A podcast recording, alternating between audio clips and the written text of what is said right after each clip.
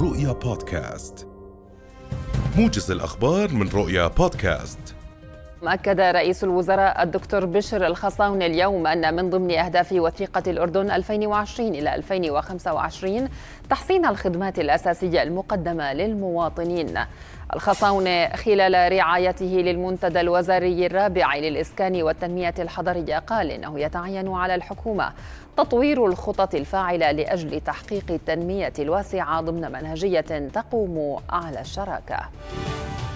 بدأت اللجنة القانونية النيابية اليوم برئاسة النائب عبد المنعم العودات الاستماع لآراء وملاحظات ومقترحات عدد من الأكاديميين حول مشروع التعديلات الدستورية لسنة 2021 الأكاديمي أسامة نعمات قال إنه ليس مع العبث بالدستور مشيرا إلى أن التعديل سيكون بحاجة ماسة من مبدأ سمو الدستور وأن النصوص الموجودة تغطي التعديلات المطالب بها الآن. قال مدير إدارة مراكز الإصلاح والتأهيل العميد عمار القضاء إن نسبة الإصابة بفيروس كورونا بين نزلاء مراكز الإصلاح والتأهيل واحد ونصف بالمئة من مجموع النزلاء البالغ عددهم. 19230 نزيلا وأضاف أن عدد الإصابات النشطة حاليا بين النزلاء 320 حالة.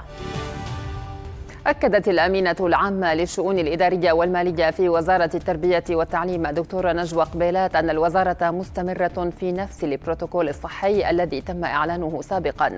وأشارت قبيلات إلى أن عدد الإصابات بكورونا ارتفع يوم أمس بين طلبة المدارس وسجل 1300 إصابة.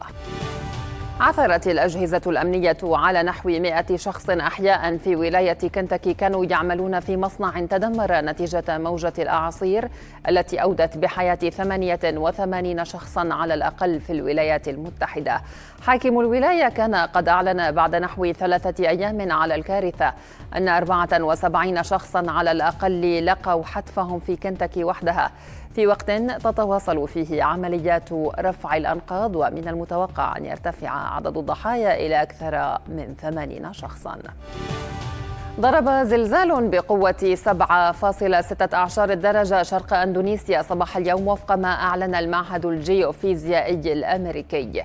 المعهد قال إن الزلزال وقع على عمق 67 كيلومترا في بحر فلوريس محذرا من أمواج التسونامي في المحيط الهادئ وأن الزلزال قد يتسبب في حدوث موجات مد خطيرة.